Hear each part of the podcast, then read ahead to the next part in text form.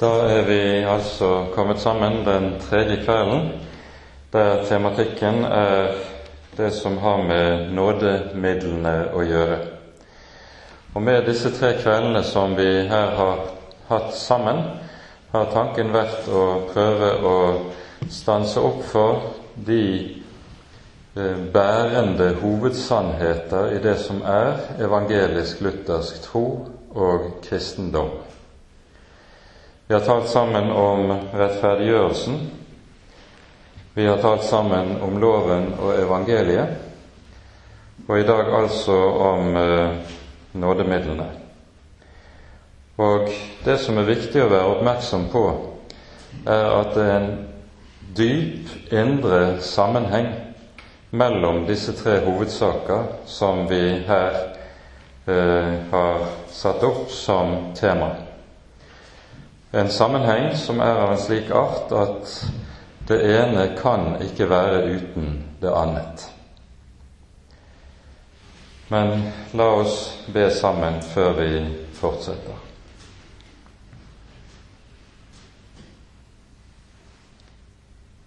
Hellige, gode Herre og Gud. Til deg kommer vi. På ditt navn kaller vi.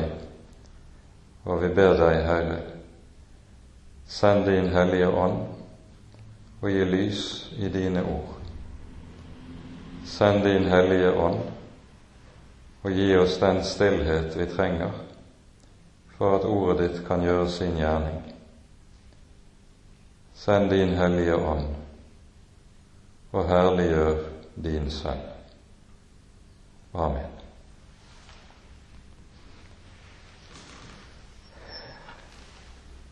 Dere vil alle vite og forstå hva vi mener når vi bruker ordet nådemiddel. Det er et middel som Gud bruker når Han skal gi oss og rekke oss sin nåde. Og Med dette så er det angitt allerede i utgangspunktet den avgjørende sannhet at Guds nåde får vi aldri del i uten gjennom disse bestemte midler som vi her taler om. Midlene er først og fremst tre. Det er Guds ord for det første, dernest dåpen og for det tredje Den hellige nattverd. I katekismen så er det jo slik at eh, det også gjerne regnes opp et fjerde middel, nemlig skriftemålet med absolusjonen, som eh, Luther også taler meget høyt om eh, og vurderer meget høyt. Vi kommer tilbake til dette hvis vi får tid senere. Men eh, vi skal innledningsvis lese noen ord fra vår kirkes bekjennelse, den augsburgske bekjennelsen. Det som jo er grunnleggende å være oppmerksom på når det gjelder bekjennelsen, det er at det er artikkel 4 som likesom er selve sentralartikkelen i den augsburgske bekjennelse. Her tales det om rettferdiggjørelsen, og det lyder slik Likeens lærer de at menneskene ikke kan bli rettferdiggjort overfor Gud ved egne krefter, fortjenester eller gjerninger, men at de blir rettferdiggjort uten vederlag for Kristi skyld ved troen, når de blir tatt til nåde og at syndene blir forlatt for Kristi skyld. Han som ved sin død har gjort fyldest for våre synder. Denne tro tilregner Gud som rettferdighet for seg. Det er dette vi har vært sammen om de to foregående kvelder. Og Det som så følger videre, det er ikke tilfeldig. For bekjennelsen er bygd opp meget systematisk på en slik måte at det ene ledd følger på og det neste i logisk rekkefølge og med en indre sammenheng. For når vi nå kommer til den femte artikkelen i Augustana, så står det følgende For at vi skal komme til denne tro, er det innstiftet en tjeneste med å lære evangeliet og meddele sakramentene. For ved ordet og sakramentene som midler blir Den hellige ånd gitt. Han som virker troen hvor og når Gud vil, i dem som hører evangeliet, nemlig at Gud, ikke for våre fortjenesters skyld, men for Kristi skyld, rettferdiggjør den som tror at han ble tatt til nåde for Kristi skyld.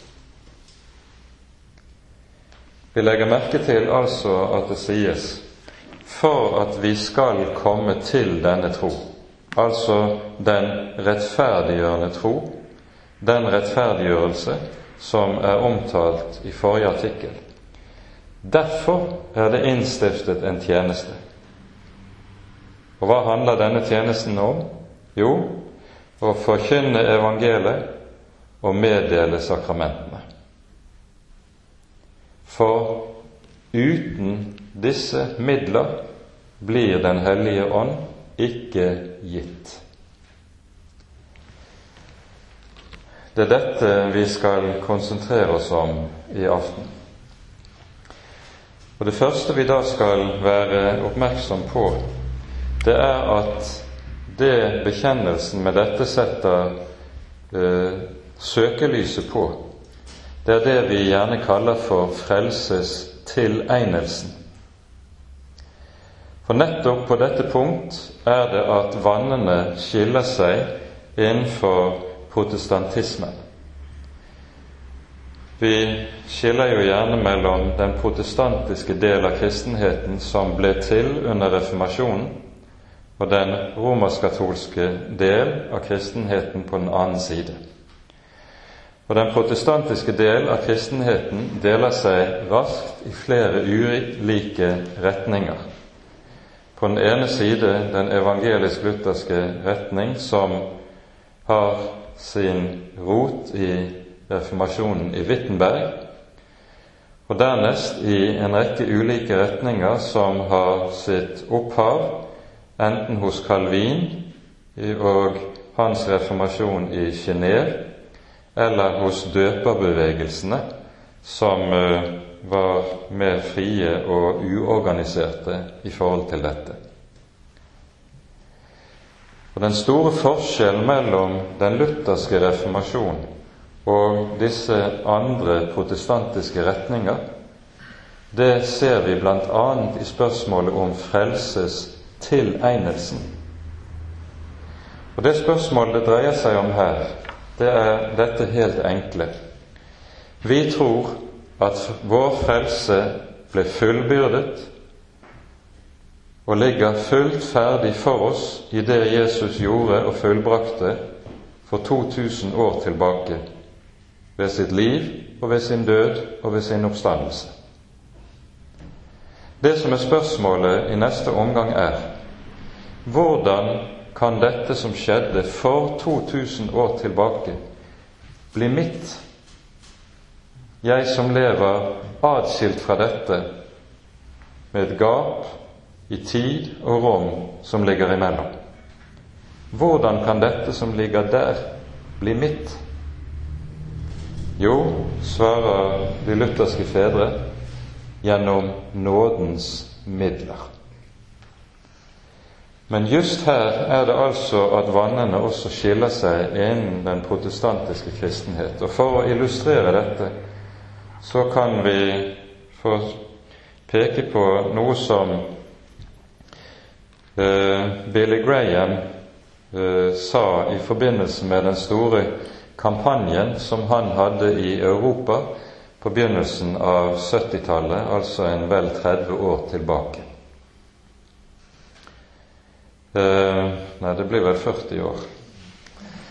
Eh, her er det slik at han en kveld har talt meget godt og meget riktig om Jesus som Guds lam som bærer verdens synd. Så nærmer han seg talens avslutning og konklusjon, og da sier han følgende, for nå skal han anvende dette på tilhørerne. Det er jo en vekkelseskampanje.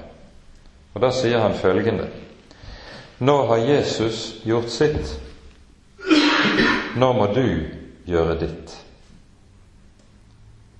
Hva er det Billy Graham sier med dette? Dermed ødelegger han nemlig alt han har sagt. For dette er jo nettopp det som ikke er sant. Hva er det som er feil med å si noe slikt? For det første så sier han at nå har Jesus gjort sitt. Det er ikke sant. For hva var det Jesus fullbyrdet da han fullbyrdet frelsen? Han gjorde ikke sitt, han gjorde mitt. Han gikk i mitt sted, og alt det jeg skulle vært, og alt det jeg skulle ha gjort overfor den levende Gud, det gjorde han. Jesus gjorde mitt som stedfortreder. Dernest, når han sier 'nå skal du gjøre ditt', så sier han med det, og det er jo det som blir avslutningen på hans tale For at det Jesus gjorde den gang, skal bli din eiendom, så må du gjøre slik, og du må gjøre slik. Og innen disse retninger så taler man jo da gjerne om at du må overgi deg, det listes opp en del ting som den enkelte så må gjøre.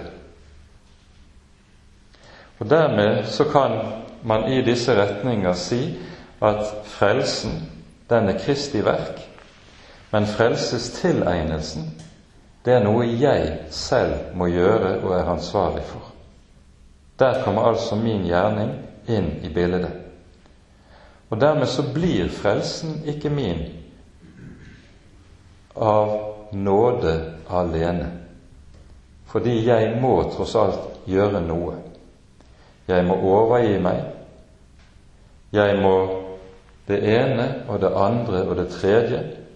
Og hvis jeg ikke gjør det på riktig måte, så vil frelsen aldri bli min. Og I tråd med dette så har du veldig mye av den vekkelsesforkynnelse som har fulgt i kjølvannet først og fremst på metodismen fra 1700-tallet av, som har lært nettopp slik. Frelsestilegnelsen, det er min gjerning.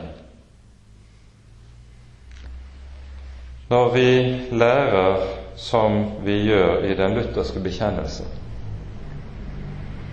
nemlig at frelsen blir oss til del gjennom nådens midler, så lærer vi og tror vi også at frelsestilegnelsen også er Guds gjerning. Det er ikke noe jeg kan gjøre noe til eller fra i.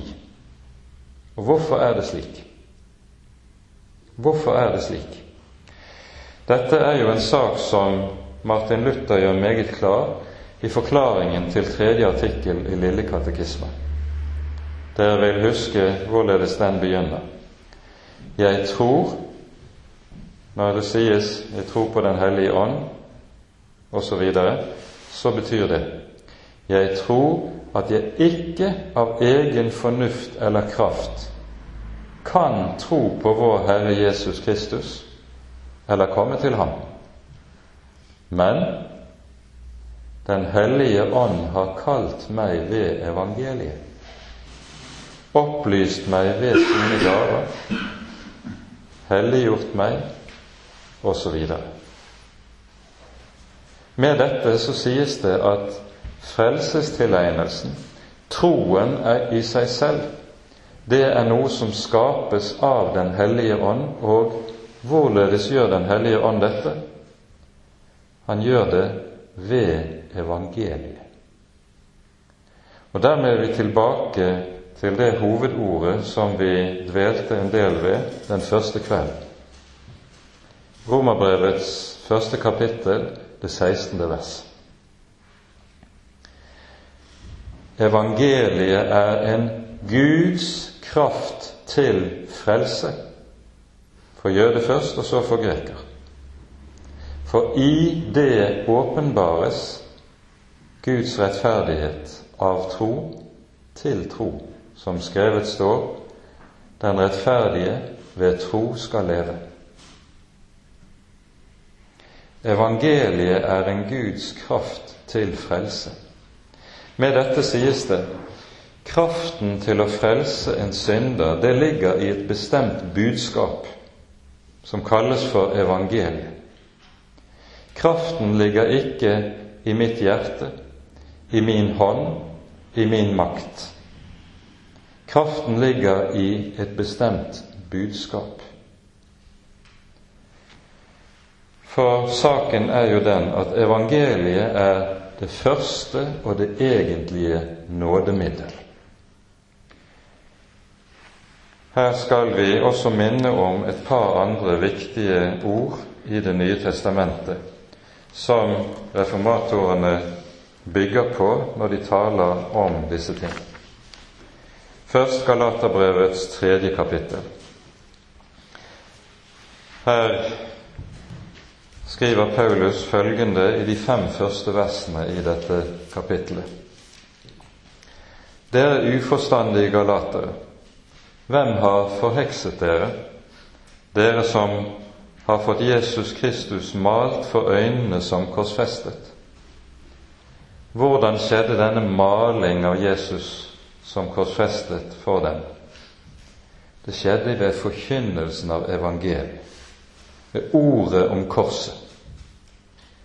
Gjennom sin evangelieforkynnelse så sto Kristus malt tydelig og klart for deres øyne. Og så følger det Bare dette vil jeg få vite av dere. Var det ved lovgjerninger dere fikk Ånden, eller var det ved å høre troen forkynt, ved troens forkynnelse? Er dere så uforstandige? Dere begynte i ånd. Vil dere fullende i kjød?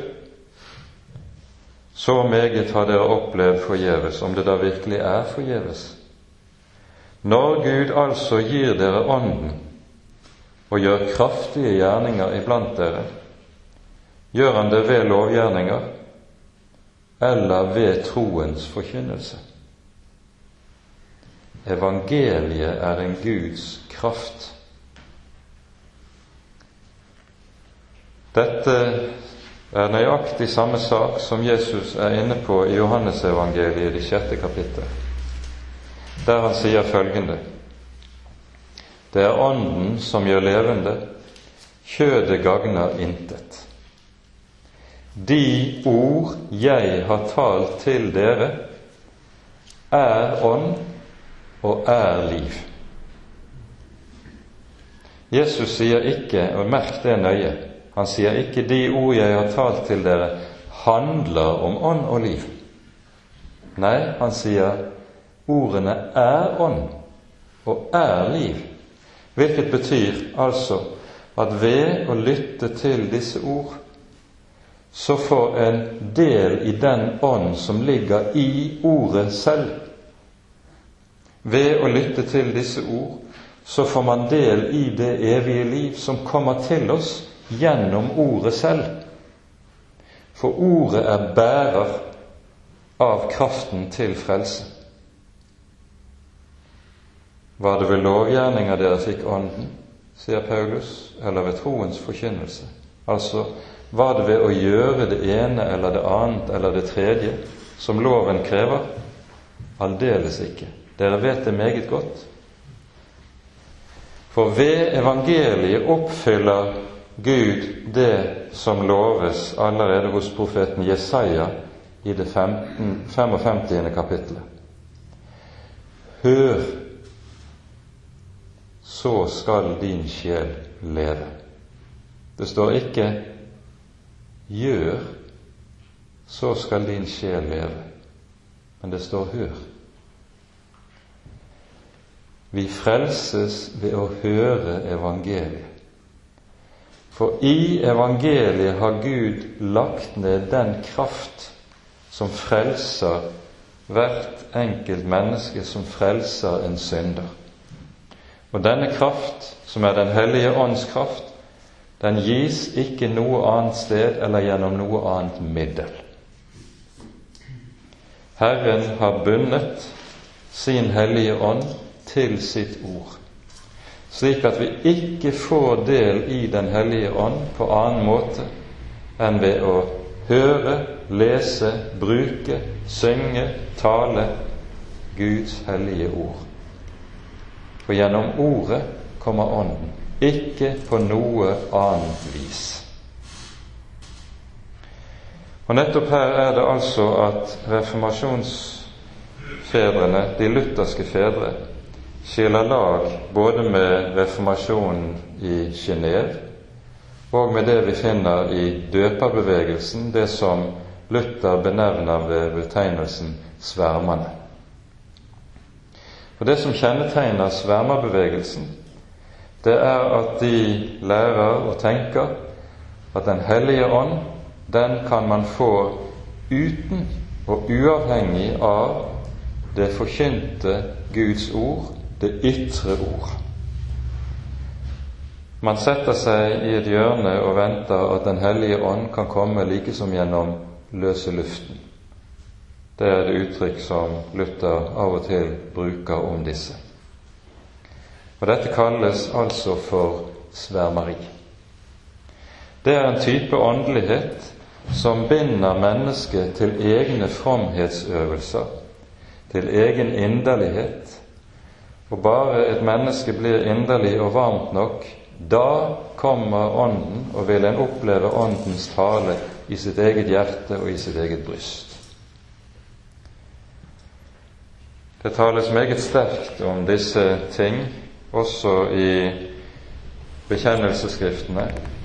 Vi har i de såkalte schmalkaldiske artikler, som ikke er bekjennelsesskrift for Den lutherske kirke i Danmark-Norge, men er det for de fleste andre lutherske kirker i verden. Og Her leser vi bl.a. følgende I disse sammenhenger som gjelder det muntlige ytre ord, må man holde fast på at Gud ikke gir noen sin ånd og sin nåde uten gjennom eller sammen med det ord som går foran. Dermed tar vi oss i vare for svermerne, som roser seg av at de har fått Ånden uten og forut for det talte Guds ord. Deretter setter de seg doms over det muntlige ord tyder og strekker det etter sitt eget tykke. Alt dette, står det litt nedenfor, er den gamle djevel og den gamle slange, som også gjorde Adam og Eva til svermere. Han førte dem fra det ytre ord til svermeri og egne innbilninger. Og så til slutt, enda litt lenger nede i samme avsnittet, alt i alt Svermeriet bor i Adam og hans etterkommere fra begynnelsen til verdens ende. Den gamle drage sitter i dem som en innplantet giftplante, og den er opphavet, bærekraften og drivkraften i alt kjetteri, også i pavedømmet og muhammedanismen. Derfor skal og må vi holde fast på at Gud ikke vil ha noe med oss mennesker å gjøre på annen måte enn ved sitt ytre ord og sakrament. Men alt hva man roser seg av uten ord og sakrament, er av djevelen. Det er kraftig tale, og det er klar tale. Når Luther kan tale så sterkt som han gjør om disse ting, så henger jo det sammen med erfaringene han har gjort av hvor ille det kan gå der svermeriet trenger inn iblant menneskene og blant troende. Hva, hvilke galskaper en da kan få seg til å gå inn i, i den tro at det er Herren Gud som har kalt en til dette og gitt er drivkraften til det ene og det hit. Ånden er bundet til det ytre ord. Og Det innebærer også helt konkret at du og jeg er avhengig av, med tanke på det kristne liv, det åndelige liv, noe som kommer til oss utenfra. Her er det vi finner en av de mest avgjørende forskjeller på kristen tro og all annen religiøsitet. Det naturlige menneskets religiøsitet, hvor du enn finner den i verden, den hviler alltid på en eller annen tro på det gode i mennesket. Ja, ofte også på troen på at det dypt inni menneskets natur finnes noe guddommelig, finnes en guddomsgnist. Derfor er det ganske karakteristisk f.eks. i indisk religion der man tenker at mennesket dypest sett er ett med guddommen. Der dreier veldig mye av den religiøse praksis seg om at man gjennom meditasjonen skal avskjære seg selv fra den ytre verden, trenge dypere og dypere inn i sitt eget indre, inn i sitt eget hjerte. Og når man da når til det dypeste i seg selv, da finner en Gud. Gud er i dypet av mitt vesen. Nei, lærer Bibelen når den taler om hvem det falne mennesket er. Etter syndefallet finnes det ikke den ringeste guddomsgnist i dypet av vårt inneste. Det finnes ikke noe i oss som Gud kan anvende eller bruke, som er anvendbart for Mennesket er fra fødselen av en skapning som har vendt Gud ryggen. Og jo lengre det lever, beveger det seg bort fra Herren, så sant Han ikke får grepet fatt i meg og snudd meg om. Mennesket er en skapning som er dypt Gud fremmed og Gud fiendtlig, noe som vi ser allerede i beretningen om syndefallet. Og det finnes ingen indre guddomsgnist i oss overhodet. Og skal vi bli frelst, så må Han som er Herre og Gud, komme til oss utenfra. Og dette er noe som du og jeg som kristne er avhengig av så lenge vi lever her i tiden. Vi er avhengig av det ord, det budskap, som kommer til oss utenifra. Dette må vi høre om igjen og om igjen, fordi vi har aldri livet i oss selv. Luther bruker et eget uttrykk om dette som er meget treffende. Han sier troen er ikke noe du kan ha i lommen på samme måte som du har en stein i lommen.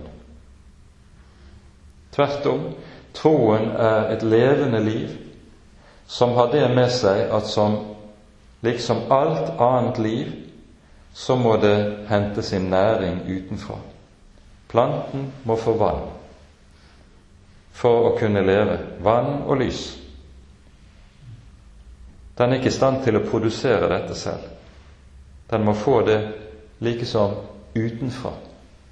Og på samme måte er det med troens liv. Det er noe som må tilføres oss utenfra. Og Derfor er det å være en kristen det er å leve i denne avhengighet av budskapet i evangeliet som kommer til meg utenfra.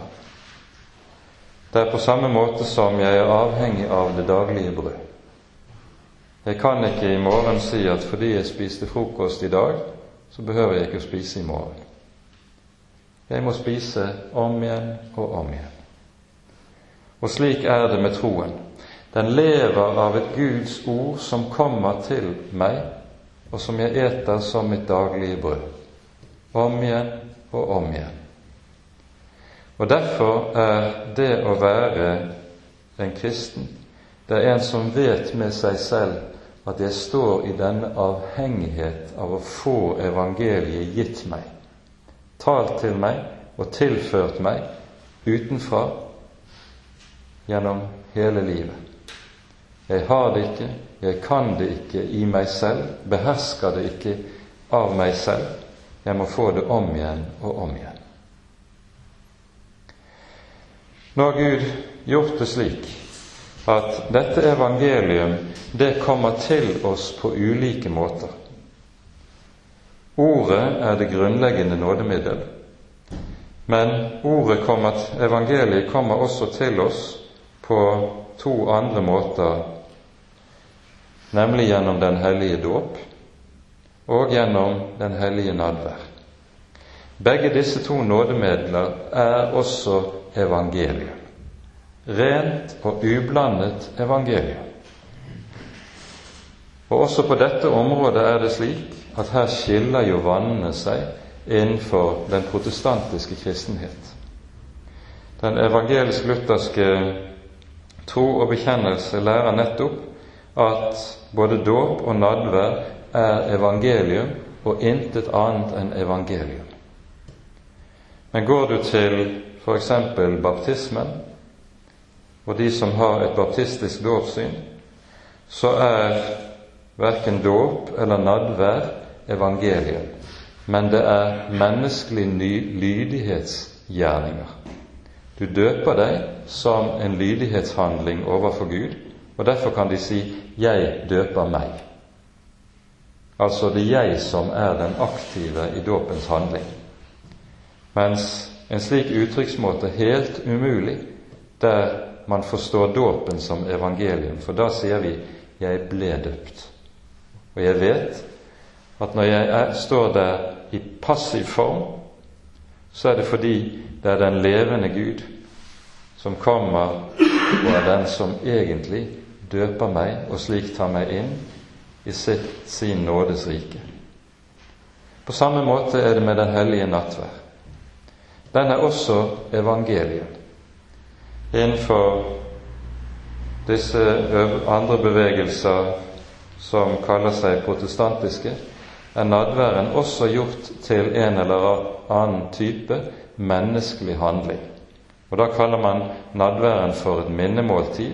Det er vi som minnes noe Jesus gjorde, men vi mottar ingen nåde gjennom brødet og vinen, fordi man heller ikke tror at brød og vin rekker oss Kristi sanne legeme og blod.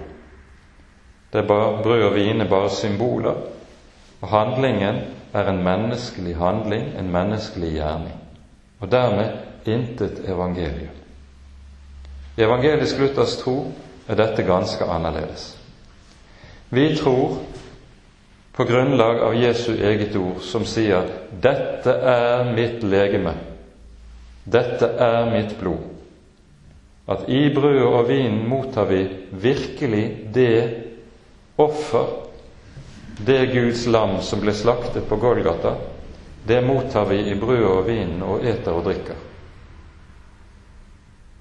På samme måte som Israels barn åt lammets kjøtt forut for utgangen av Egypt. Vi eter lammets kjøtt i den hellige nattverd, og så får vi gjennom etingen del i det som offeret virket, nemlig syndenes forlatelse. Sånn at vi kan si med full gyldighet at i den hellige nattverd så eter og drikker du syndenes forlatelse.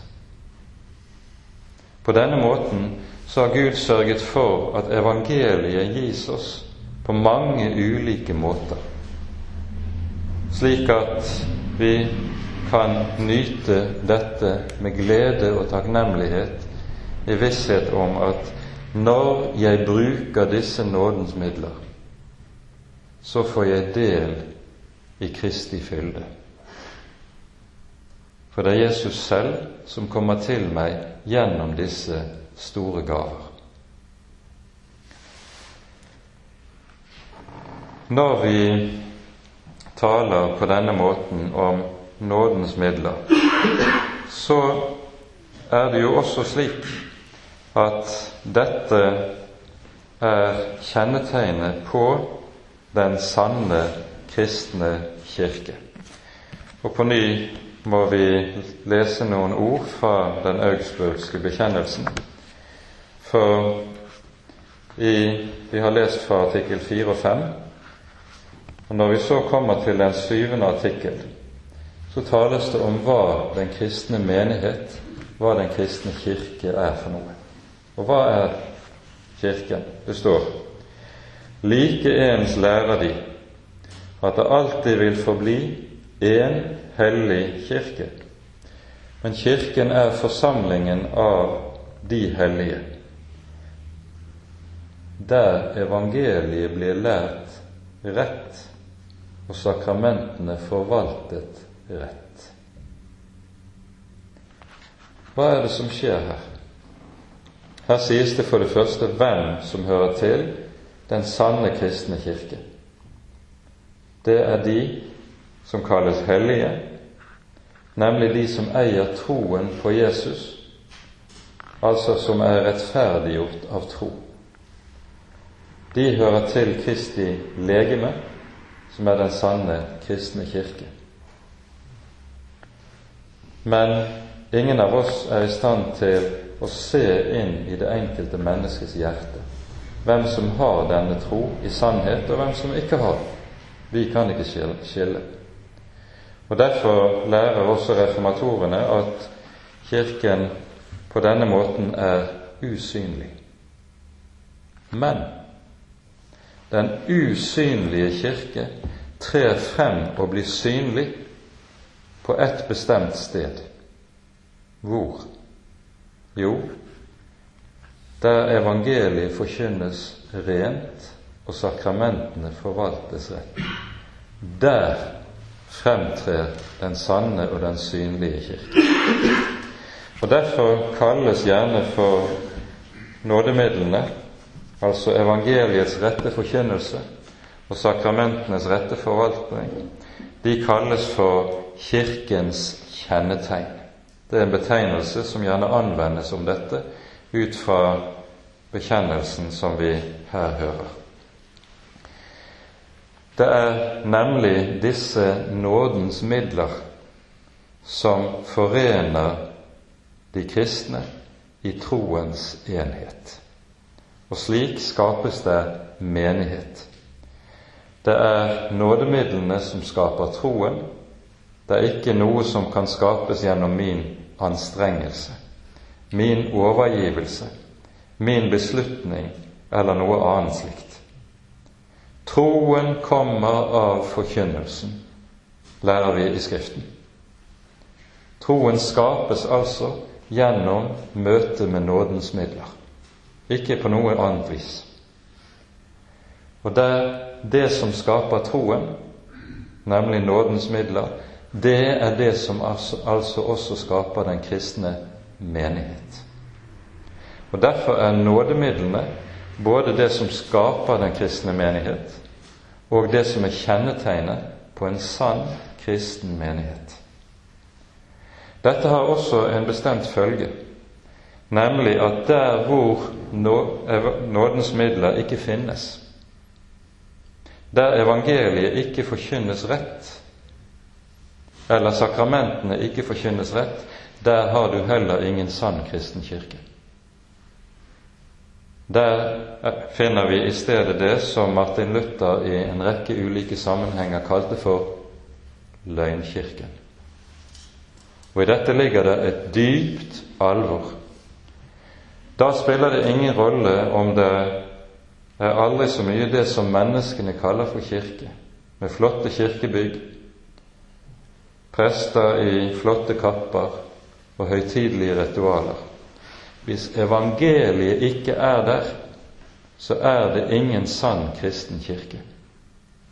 For det er det som er den sanne kirkes kjennetegn. Her er det jo også slik at evangeliet har en så og med det menes det budskapet om rettferdiggjørelsen av tro for Kristi skyld.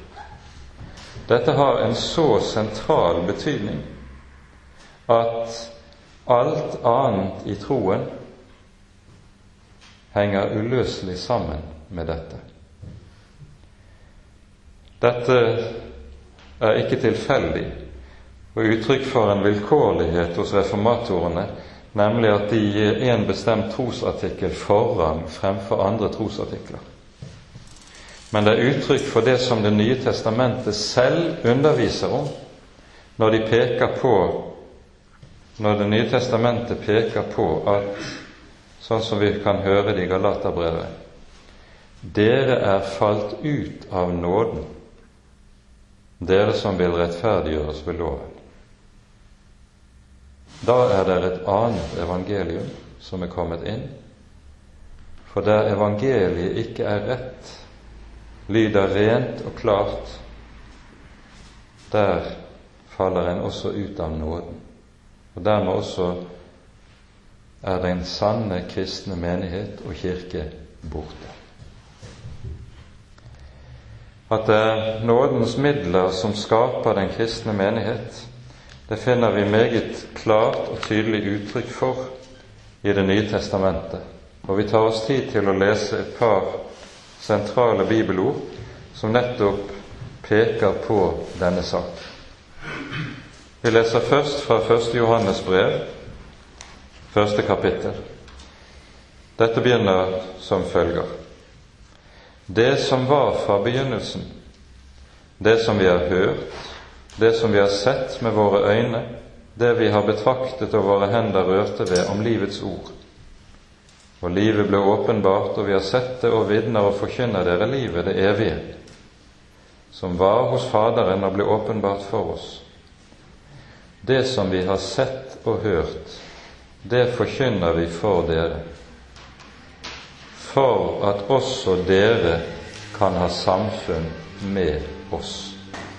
Og vårt samfunn er med Faderen og med Hans Sønn, Jesus Kristus. La du merke til det?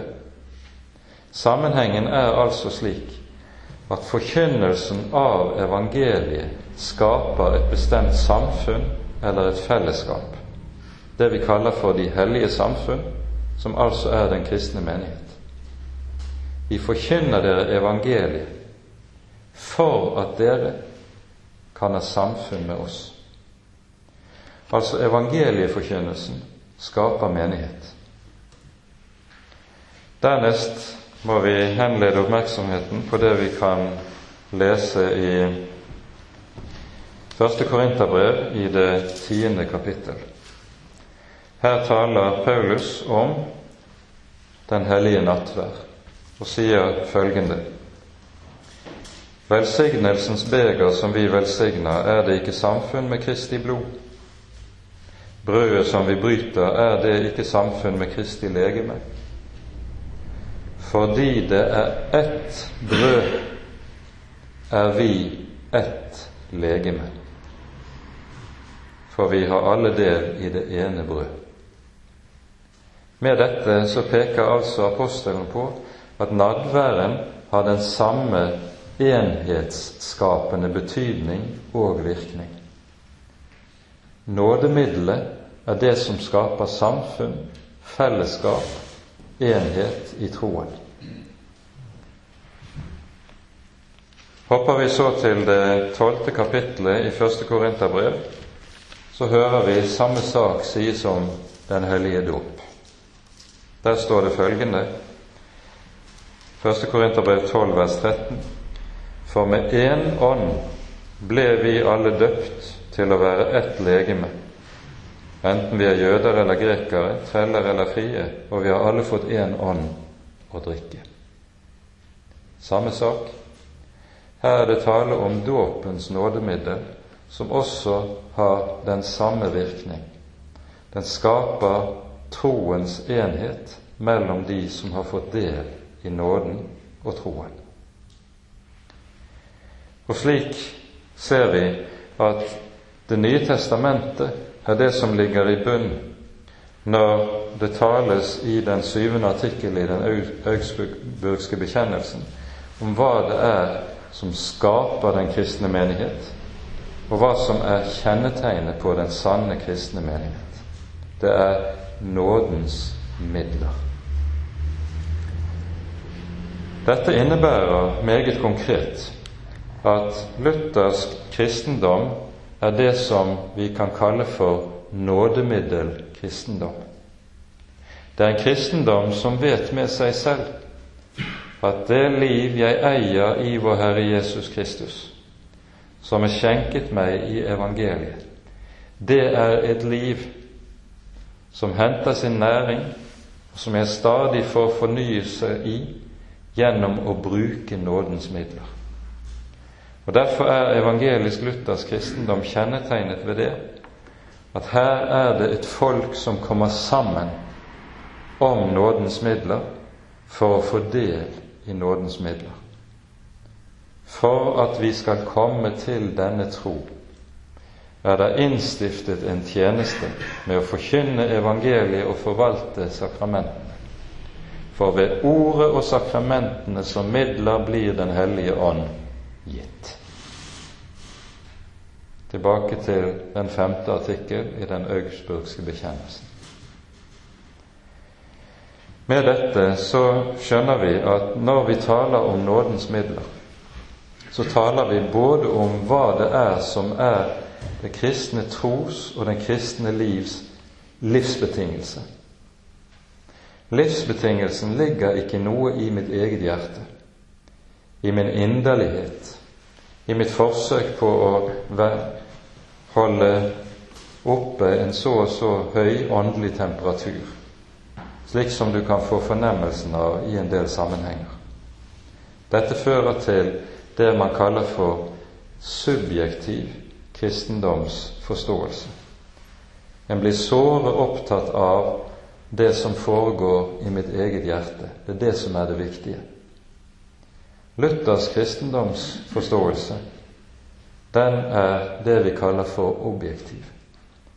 For den er knyttet til og vet seg avhengig av det som skjenkes meg utenfra, nemlig gjennom nådens midler, gjennom ordet og sakramentene som jeg er avhengig av å få om igjen og om igjen. Dette lever jeg på, og dette lever jeg av, like til jeg når herligheten hjemme hos min Frelser.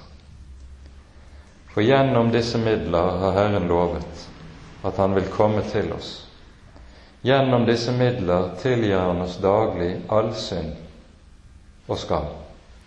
Gjennom disse midler fornyer Han oss i troen og helliggjør oss, fordi Han ved disse midler rekker oss sin egen sønn i hans fylde og alle hans velgjerninger. Derfor hører det med til troens glede i evangelisk luthersk kristendom å vite dette vi skal få lov til å komme til duk og dekket bord, ete evangeliet i den hellige nattverd, høre og ta imot det gjennom forkynnelsen der den er sann og rett. Men vi forstår samtidig også med dette hvor grunnleggende viktig det er at evangelieforkynnelsen er sann at det ikke kludres med evangelieforkynnelsen. For der evangelieforkynnelsen blir falsk, enten i form av at menneskene føres inn under loven, eller i form av andre typer vranglære som også finnes så mange av i vår tid. Der vil også troen komme til enten å lide skade eller enda verre å lide død. For troen lever av den sanne og rette forkynnelse, og den dør der den ikke får det. Evangelisk luthersk kristendom er nådemiddelkristendom. Og Som nådemiddelkristendom har den det med seg som vi leser om i det tredje kapittelet i Kolosserbrevet, og jeg tenker at vi kanskje skal stanse med dette. Her står det følgende Er dere da oppreist med Kristus, så søk det som er der oppe, der Kristus sitter ved Guds høyre hånd. La deres sinn være vendt mot det som er der oppe, ikke mot det som er på jorden. Dere er jo døde, og deres liv er skjult med Kristus i Gud. Det dette ordet peker på, er at noe som ofte er en anfektelse for mangt det troende mennesket.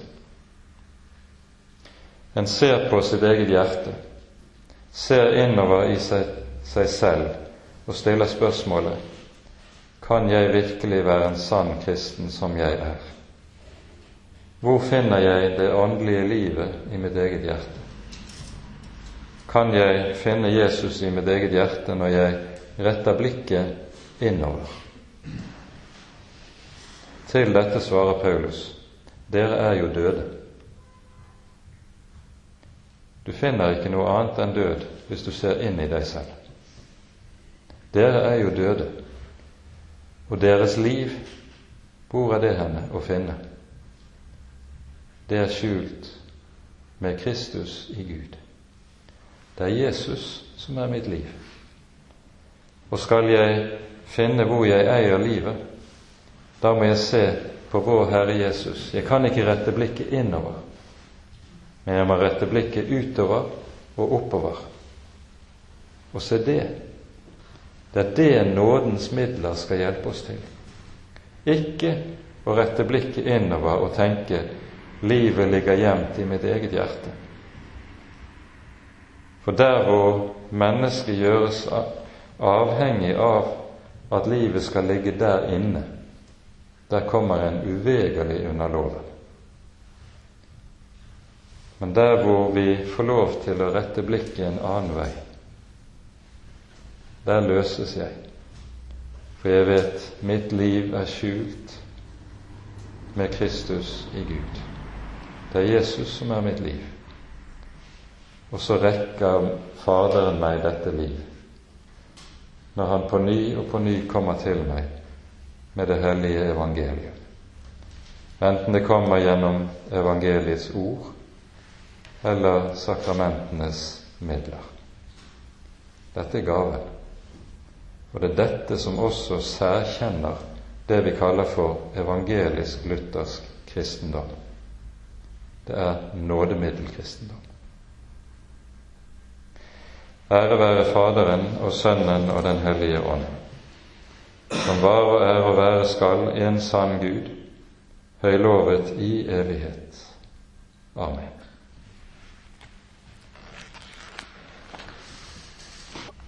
Vi har altså gjort det sånn disse kveldene at det er anledning til en runde med spørsmål og samtale etter, eh, etter eh, på, eller før vi går fra hverandre.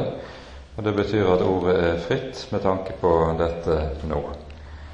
Eh, så har jeg blitt bedt om å nevne én ting, og det kan jeg kanskje gjøre innledningsvis, eh, siden en sånn runde ofte innledes med ett minutts stillhet. Og det eh, er slik da at det er noen som har spurt om jeg kunne si litt om et nettsted som heter bibeltimer.com. Det er et, eh, en side som hører inn under vår menighets eh, internettsider, hvor eh, det er anledning til å kunne lytte til bibelundervisning. Det er lagt ut mer enn 400 bibeltimer her, både med tema fra Gamle testamentet, Nytestamentet og ulike eh, aktuelle temaer som berøres. Så de som måtte være interessert i det, de kan vite om dette. bibeltimer.com. Så det får være den biten. Ordet er fritt. Vær så god. Jeg var ikke her i går kveld, og jeg har fått en mistanke om at eh, jeg burde ha hørt det du sa i går, for å forstå det som du, du sa i dag. For, eh, for jeg er i og for seg ikke uenig i det du, du har sagt der, men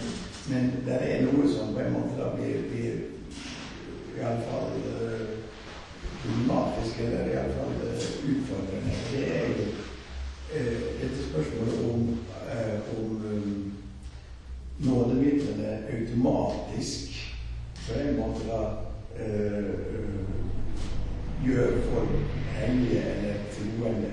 For å bruke et eksempel hvis vi går ut i regnet, uh, så blir alle våte. Uh, men, men, hvis vi er i en forsamling uh, og hører Guds ord, er det sånn at da alle blir troende, eller alle blir hellige nådemidlene, hvis det så objektivt som, som du her har fremstilt det? Og hvor kommer altså bekjennelsesliv, f.eks., og, og, og det å det å ta imot evangeliet? Ja, eh, et stort og et vidtgående spørsmål. Eh, jeg skal ikke svare om dette med egne ord, men jeg tror vi kan svare på det ved hjelp av eh, ord fra, som også er fra bekjennelsen. I artikkel 13 i den augsburgske bekjennelsen så står følgende. Om bruken av sakramentene lærer de at sakramentene ikke bare er innstiftet for at de skal være bekjennelsestegn mellom mennesker, men mer for at de skal være tegn og vitnesbyrd om Guds vilje mot oss, fremsatt Og så kommer det for å vekke og styrke troen hos dem som bruker dem. Derfor bør sakramentene brukes slik at troen slutter seg til den som stoler på de løfter som ble gitt og framvist ved sakramentene. Ehm, spørsmålet som du stiller, det rører jo ved dette gamle eh, spørsmålet som allerede under reformasjonen var eh, fremme, nemlig om eh, sakramentene virker automatisk. Eh, til det lyder altså svaret, sånn som vi hører det her, Sakramentene er virkningsløse dersom ikke troen slutter seg til. Men samtidig er det altså en troens hemmelighet i dette at det er nådemiddelet som skaper troen. Eh, og det som hindrer troen, og gjør at troen eventuelt nådemiddelet ikke eh, får skape tro hos et menneske, hva er det? det er når mennesket bevisst setter seg imot det som gis, rekkes oss og forkynnes oss gjennom ordet i nådemidlene. Og Det som ganske særlig er den fremste hindring for troen, det ser vi gjennomgående i Det nye testamentet, det er egenrettferdigheten. For egenrettferdigheten, hva er det som kjennetegner den? det er at jeg liter på det som jeg selv måtte ha å komme med eller fare med overfor Gud på en eller annen måte. Og Derfor opplever jeg budskapet i evangeliet som et angrep på øh, meg selv. Fordi evangeliet, det lærer meg jo at ingenting av det jeg måtte ha å fare med eller yte, duger i Guds rike. Så det falne mennesket opplever evangeliet som et angrep på sin egen evne og selvtilstrekkelighet, det at jeg ja, sin egen verdighet. For evangeliet forkynner oss med så stor kraft at det er i Kristus alene, og det er ved Kristus alene, vi frelses, ikke ved noe som ligger i min hånd.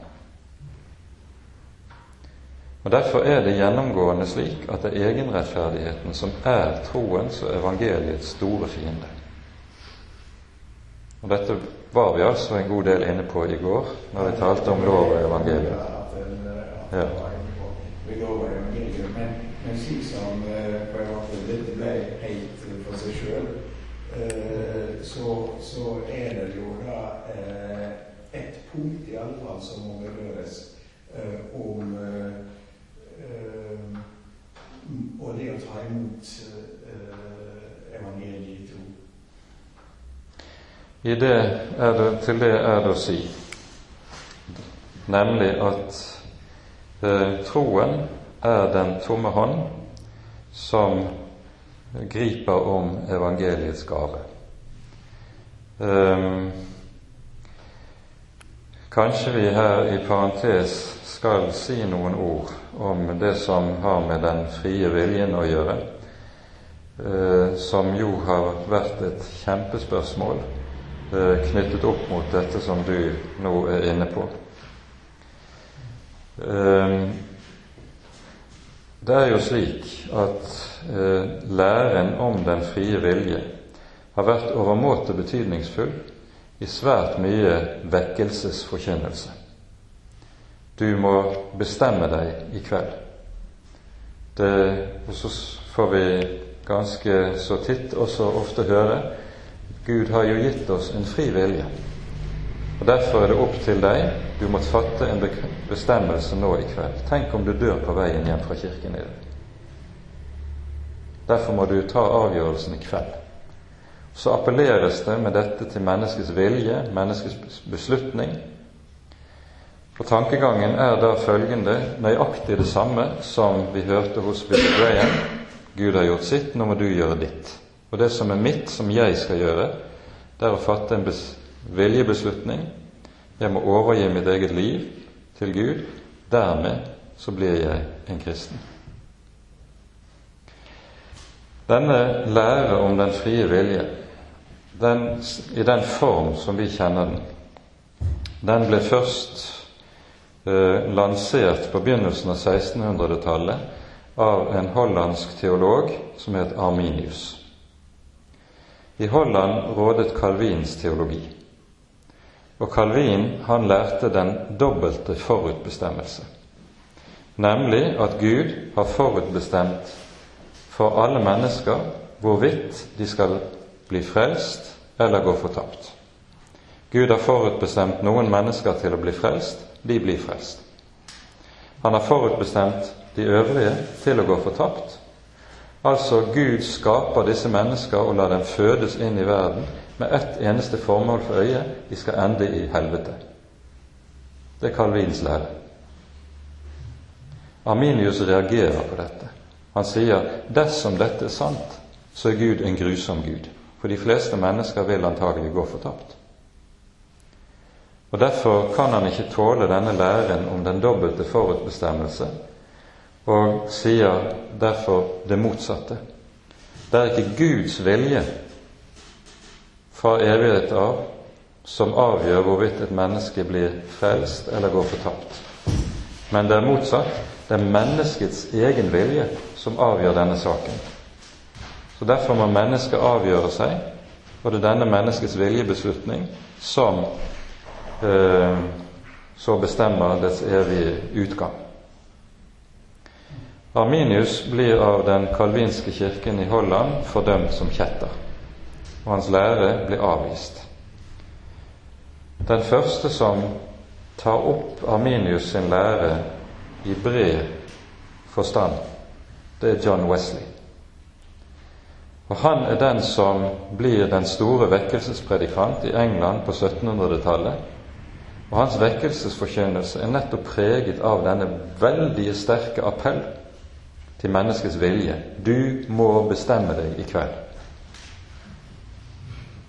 Og fra John Wesley av så har denne forkynnelsen eh, trengt inn også i lutherske kretser, slik som vi kjenner vekkelsesforkynnelsen fra vårt eget land. Og Poenget med denne vekkelsesforkynnelsen er altså at den skiller seg fra evangelisk-luthersk tro med at den sier det er min viljesbeslutning, det er min overgivelse til Gud som gjør meg til et kristen menneske. Altså det er noe jeg selv gjør. Mens evangelisk-luthersk tenkning sier Kraften til frelse ligger ikke i min vilje, men det ligger i nådens midler. Og Derfor er det ikke min viljebeslutning som gjør meg til en kristen, men det at jeg hører evangeliet. Hør, så skal du leve. Dette dype teologiske spørsmål som har skapt uh, mye uh, både strid og debatt tidligere i Kirkens historie, men vi ser hvordan denne typen spørsmål kan få følger for hvordan forkynnelsen kommer til å arte seg, helt konkret i vår midte i vårt daglige kristne liv. Og Poenget for oss i denne sammenhengen er det helt sentrale som ligger allerede i ordet i innledningen til romerbrevet. Kraften til frelse ligger i evangeliet, i nådemiddelet. Den ligger ikke i min hånd eller i mitt hjerte. Det er den store forskjellen. Ja, men det er ikke min tilslutning at jeg sier ja takk, jeg tar imot det som står der. Er det det også bra? Det er ikke galt å si det sånn, for sånn oppleves det rent psykologisk fra vår side. Men saken er jo den at min tilslutning og mitt ja, det er egentlig ikke noe annet enn, frukt av, enn en frukt av at evangeliet har gjort sin gjerning hos meg. Så subjektivt vil det ofte oppleves slik som du er inne på det. Og jeg skal være den siste til å si noe negativt om den saken. Men det er evangeliet selv som skaper dette ja i mitt hjerte. Jeg tenkte på Det var veldig fint å høre det. Så tenkte jeg på dette med Det er mange forskjellige forsamlinger her i byen. Og det har fellesmøte. Hvordan ser du på det? Uh, ja, nå legger du ut et minefelt her. Jeg vet at det er en eh, praksis med fellesmøter mange steder i landet vårt. Og jeg må nok si for min egen del at jeg til dels er ganske skeptisk til eh, praksis med fellesmøter. Eh, nå spørs det jo hvem man eventuelt arrangerer fellesmøter imellom, da. Men jeg vil si at eh, jeg vil advare mot fellesmøter mellom evangelisk-lutherske kristne og slike som f.eks. lærer eh, eller avviser eh, vår tro på dåpen og Den hellige nadvær. For det som veldig ofte, og dette er konsekvenser jeg har sett en rekke steder eh, i landet vårt, det er at det har vært arrangert fellesmøter hvor f.eks. baptister og pinsevenner har vært sammen med bedehusfolket. Og så klarer ikke pinsevennene å la være å begynne å propagandere for sitt dåpssyn. De sier til unge og ubefestede mennesker som kommer på disse møtene, du må bli døpt på ny. For barnedåpen er ingen bibelsk dåp. Og så har de ofte ikke bibelsk kunnskap og forankring nok til å svare på dette, og det skaper stor, store vansker sjelesørgerisk, og for en del fører det til at de lar seg presse til, å, til gjendåp. Dette er meget ofte eh, erfaringen som kommer i kjølvannet på slike fellesmøter. Problemet med fellesmøter er nemlig at en da sier at det er en del eh, spørsmål i troen som er såpass uviktige at vi kan feie de under teppet. Og jeg tror, sånn som vi har vært inne på i kveld, at det som har med nådens midler, bl.a. altså dåpen Det er ikke et spørsmål som er så uviktig at vi kan feie det under teppet. Carl Fredrik Wisløff sa ved en anledning om slike ting at eh, forutsetning for godt naboskap er regelmessig at man har et ordentlig gjerde mellom seg og naboens eiendom. At vi avviser fellesmøter, betyr ikke at vi dermed setter oss til doms over andre menneskers hjerter og sier noe om deres hjerteforhold til Gud. For det har ikke vi lov til. Men det vi kan si, det er at vi kan ha et gjerde oss imellom som hjelper oss til å ha ryddighet. Så får ikke de unge som er i vår sammenheng, dras inn i den forvirringen som ofte skjer i kjølvannet på fellesmøter.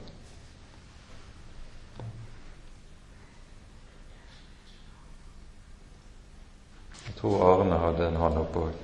Det var noe til eh, det vi snakket om i sted i forhold til eh, eh, hvordan hvordan kommer troen til oss.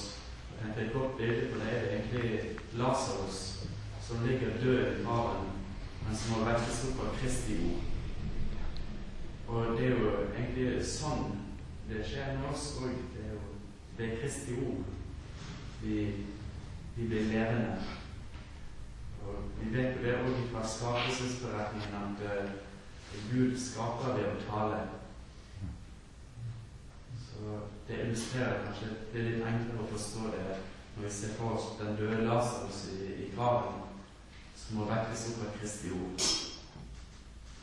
Det er et viktig og et godt poeng, og det er jo nettopp med dette som bakteppe at vi hører Paulus en rekke ganger i brevene sine tale om at det å være en kristen, det er å få liv av døde.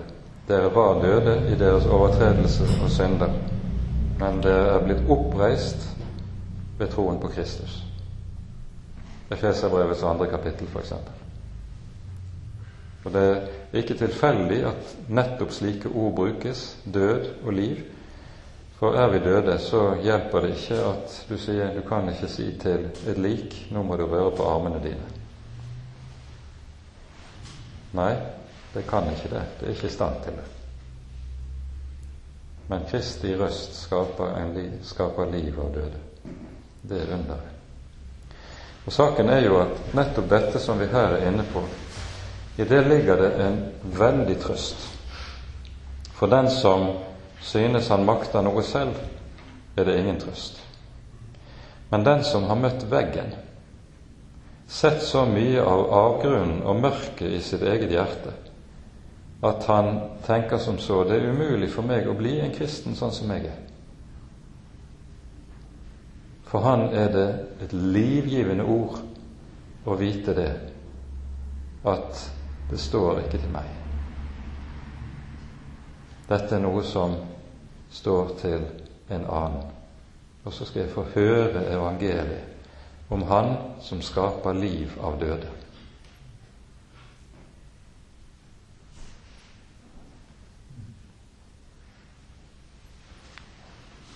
Ja, jeg må bare si, siden du, siden du bør godt svare på meg med den frie vilje, så, så, så står det altså ikke for eh, at jeg har en fri vilje i den forstand.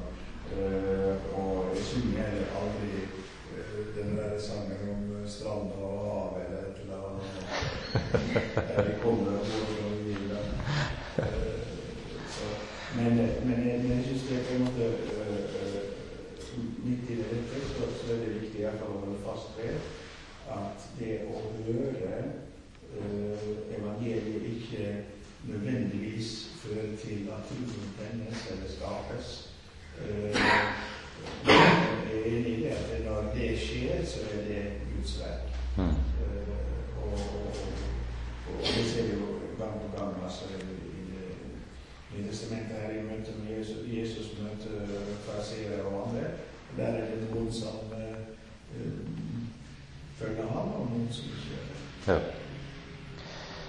Vi møter jo noe av dette som vi her er inne i, i forbindelse med det som er, eh, har med polemikken i dåpsspørsmålet. For eh, det som vi som eh, jo praktiserer, og tror at, tro, praktiserer barnedåp og tror at dette er rett Det vi ofte blir møtt med fra baptistisk hold, det er spørsmålet om kan barn tro da? Kan barna tro? Nei vel, hvis de ikke kan tro, da kan de jo ikke bli døpt. Til det er å svare kan vi som er voksne, tro? Det kan vi aldeles ikke. For tro er ikke noe vi kan. Ei heller vi som voksne. Tro er noe som gis oss, og som skapes i oss ved evangeliet. Troen kommer av forkynnelsen.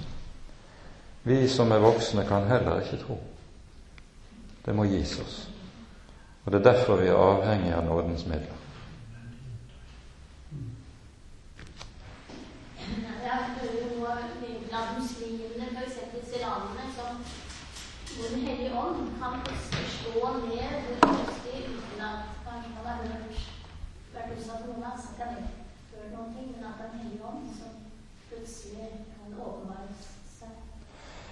Ja, jeg har også hørt slike historier om uh, muslimers omvendelse, og kjenner også personlig uh, en muslim som har en slik omvendelseshistorie. Jeg har lyst til å si i, til dette vi har ikke lov til å begrense hva Gud kan gjøre i menneskers liv.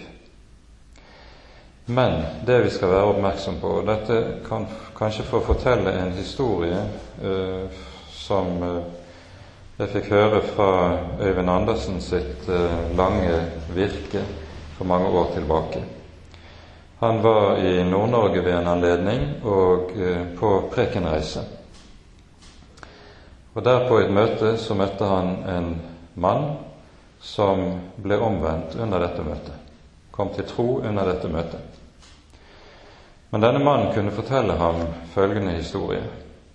Han hadde hørt en røst kalle på seg ved flere anledninger.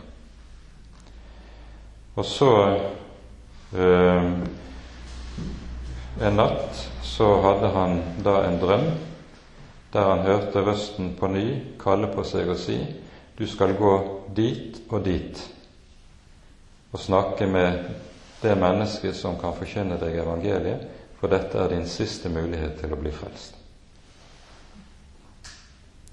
Han gjør det, og møter da Øyvind Andersen på dette sted, som kan forkynne ham evangeliet. Hva er nøkkelen til dette? Det er at røsten som lød til ham, den forkynte ikke evangeliet men den sa til ham hvor han skulle gå for å få høre evangeliet forkynt. Det er nøyaktig samme vi hører i beretningen om Kornelius i apostelgjerningene 10. Det er en engel som åpenbarer seg for Kornelius, men engelen forkynner ikke evangeliet for Kornelius. Hva gjør engelen? Han sier, 'Send bud til Peter. Han skal forkynne deg ord som du blir frelst ved.' Og Dette er viktig å være oppmerksom på, for dette henviser oss til noe som er så sentralt i vår bibel. Herren kan godt kalle på mennesker på måter som vi ikke kan kartlegge og gjøre rede for. Men er det Gud som er ute og går, da vil han alltid henvise mennesker til det ytre og forkynte ord. Akkurat som med Kornelius. Kall på Peter, han skal forkynne deg ord som du blir frelst ved. Da blir menneskene ikke avhengig av ting som foregår i ens eget hjerte, hvor man går og skryter av herlige åpenbaringer og direkte tilgang til Gud fordi Ånden taler i ens eget hjerte. Det er skryt. Det er ikke noe som er fra Gud.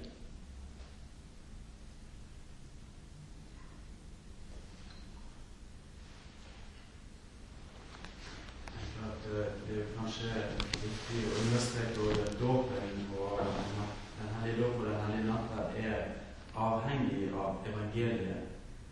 Altså de er, de er underordnet det overordnede nådemiddelet, evangeliet om, Jesus. Og de kan aldri løsrives fra det.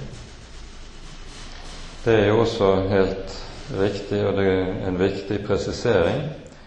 Eh, reformatorene kaller jo sakramentene for synlige ord.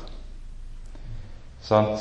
Ordet kommer til vannet, og så blir det dåp.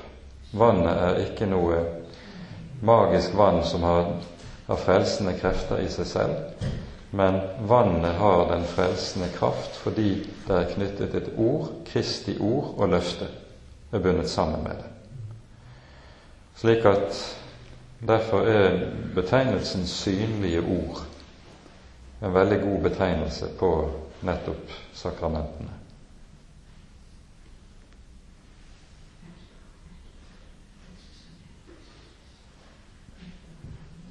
vi plasserer Helligåndens indre vitnesbyrd.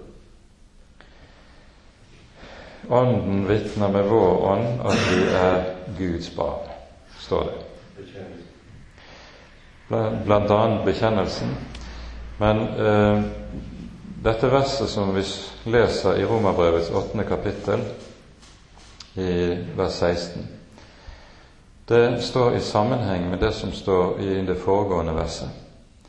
Vi fikk jo ikke trelldommens ånd som vi atter skulle frykte, men vi fikk barnekårets ånd, ved hvilken vi roper Abba, Far. Så kommer det Ånden selv vitner med vår ånd at vi er Guds barn. Poenget er at her gjøres det forskjell på trelldommens ånd og barnekårets ånd. Hva er trelldommens ånd? Trelldommens ånd, det er den ånd som kommer gjennom loven og lovens forkynnelse. Og hva er det lovens, eller trelldommens forkynnelse bærer i seg? Den bærer det med seg at jeg tenker om mitt forhold til Gud som far at det er betinget av min lydighet. Og Dette kommer til uttrykk, dette er noe som ligger oss meget nær, nemlig jeg er frimodig overfor Gud dersom jeg har vært lydig mot Hans befalinger. Da tenker jeg når jeg ber jo, Han vil høre mine bønner. Men har jeg falt i synd, er det gått skralt med min bibellesning og min bønn, så tør jeg ikke være frimodig lenger. Da tenker jeg som så Gud kan vel neppe høre min bønn slik som jeg nå er. Det er trelldommens ånd. Jeg gjør min frimodighet i troen avhengig av at jeg har fått det til på en eller annen måte. Fått det til å leve som kristen. Og dermed er jeg kommet inn under loven. Jeg må oppfylle de og de vilkår for at Gud kan være meg nådig. Men det er lovene. Det er trelldommens ånd. Hva er barnekårets ånd?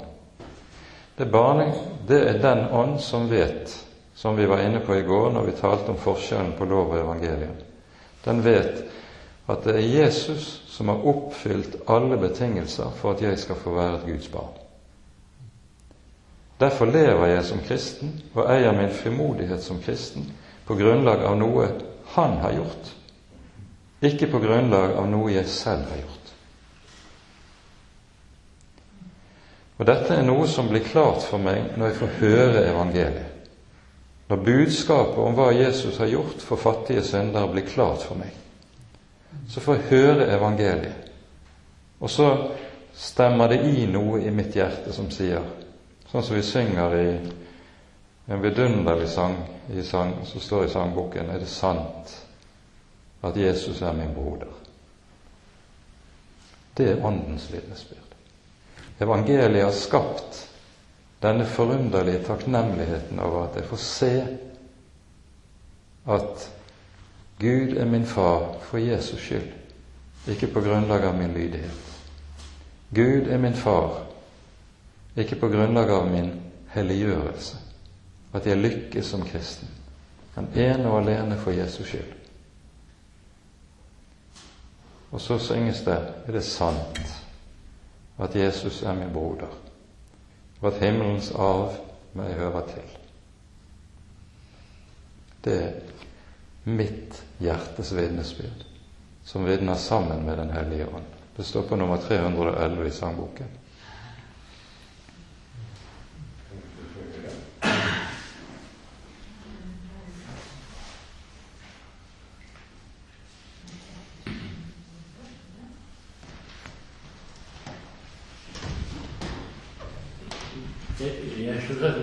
dette emnet er tatt opp, og at Gud gjorde det slik at du kunne komme hit og si det så enkelt og klart hvor enestående og grunnleggende det er. Da jeg kom til Sørlandet for en 30 år siden, så hørte jeg flere vitnesbyrd som sa det er sjelden jeg ber, men det er så godt å være kristen. Og det er sjelden jeg leser Bibelen, men det er så godt å være kristen. En følge av en slik tenkning er at man bruker søndagen til å evangelisere seg bort fra søndagen. Hva er det søndagen vil? Vi har et bud. Vi har et bud om uh, Guds ord. Vi har et bud om å påkalle Gud i all vår nød, ber lov å takke ham. Og det første i Fader vår er det nådige kall. Du skal få lov til å vende deg til Gud og si Fader vår. Og ha like stor tillit til det som mor og barn ber sine kjære foreldre våre. Jeg tror vi trenger å be om at nådegavene må være det som lyser opp, skinner inn og gir liv og salighet. Jeg er dypt takknemlig for denne forsamling, at jeg fikk være med i dag. Tredje budet du skal holde hviledagen hellig, mener du oss om.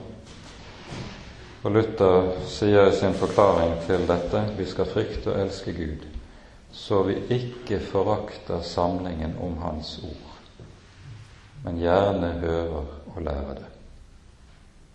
Det er nådemiddelkristendom, det.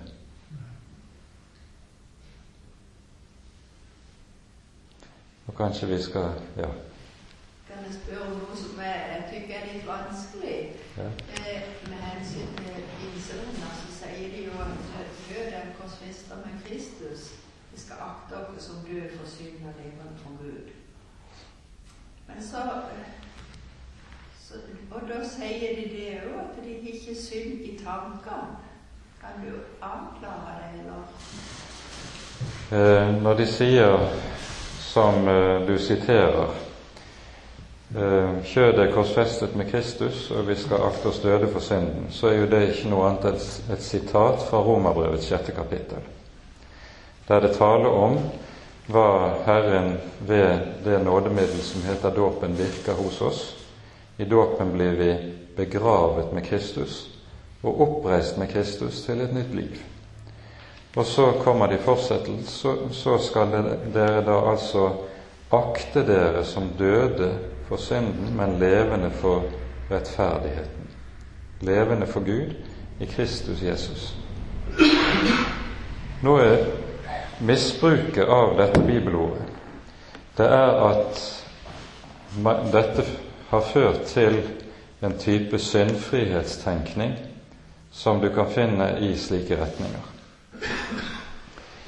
Um, for man må si to ting til eh, en slik påstand der man sier at man ikke kjenner synder i sine tanker. Enten lyver et slikt menneske, eller så kjenner det ikke seg selv. Ett av to. For synden, den er hos oss. Vi er syndere så lenge vi lever i denne verden. Synden forblir i vårt vesen og i vår natur. Det å bli en kristen er ikke å bli syndfri, men det er å bli en tilgitt synder. Men det Paulus sier, det er at så skal dere akte dere som døde for synden. Hva betyr det? Her brukes i grunnteksten det samme ordet som brukes i det tredje kapittelet i Romerbrevet, når det står at Gud tilregner oss rettferdigheten for Kristi skyld. Hva er det Gud gjør når Han tilregner oss Kristi rettferdighet? Da sier han ikke at Jan Bygstad han er rettferdig og syndfri i seg selv. Men han sier den rettferdighet som Kristus eier, den skal være Jan Bygstad sin rettferdighet. Det er Jesus som er min rettferdighet. og så skal jeg regne meg som ren og rettferdig for Jesus skyld. Jeg har synden i meg fortsatt, men min rettferdighet, den er i Kristus. Det skal jeg regne med. Og så sier, sies det altså i eh, det sjette kapittelet således skal dere regne dere som døde for synden, men levende for Gud i Kristus. Og Hvis vi nå drar parallellen til Romerbrevets tredje kapittel, ser jeg inn i mitt eget hjerte. Ser jeg at jeg er rettferdig? Ser jeg at jeg er ren? Ser jeg at jeg er syndfri? Aldeles ikke. Jeg ser helt andre ting når jeg ser inn i meg selv. Men jeg skal få lov til å regne meg som ren og rettferdig i Kristus ikke i meg selv. Og hva er tro for noe? Jo, tro det er og det er overbevisning, står det i hebreerbrevet, overbevisning om ting som ikke ses. Jeg ser ikke min renhet og rettferdighet, men jeg regner med det at jeg er ren og rettferdig i Kristus. Troen er overbevisning om det som ikke sees. Og På samme måte så vil troen også regne med at jeg i Kristus er død fra synden. Jeg ser det ikke men det er noe jeg skal få regne med i troen. For troen er på denne måten en øvelse i å regne med noe jeg ikke ser med mine øyne, men som Skriften like fullt sier er sannhet. I Kristus er du død fra synden. I Kristus er du oppreist til et nytt liv og livets rettferdighet. Og så skal vi regne med det vi ikke ser. Det er troens øvelse. Og Derfor er det ikke å bedømme som annet enn herlighetsteologi hvis man regner med at man her i tiden vil kunne være syndfri i seg selv. Jeg er syndfri i Jesus, men ikke i meg selv. Der er det jo slik at i det første kapittelet der i 1. Johannes brev så nevnes både gjerningssynd og vesensynd. Det sies dersom vi sier at vi ikke har synd, altså vesenssynd, da bedrar vi oss selv. Og så sier vi står det også i fortsettelsen dersom vi sier at vi ikke har syndet. Samme sak. Så både vesenssynd og gjerningssynd, det finnes fortsatt hos oss.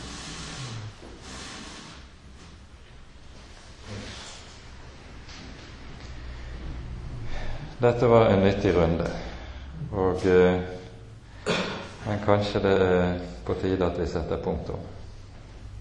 Takk for mange gode spørsmål.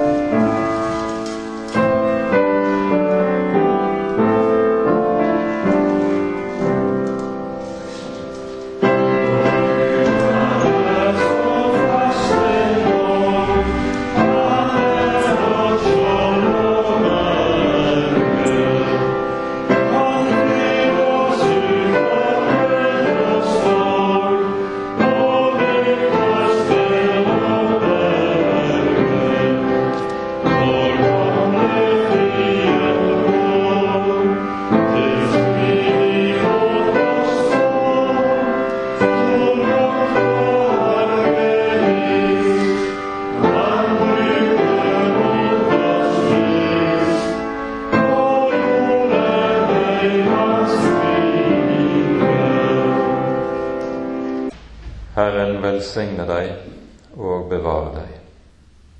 Herren la sitt ansikt lyse over deg og være deg nådig. Herren løfte sitt åsyn på deg og gi deg fred.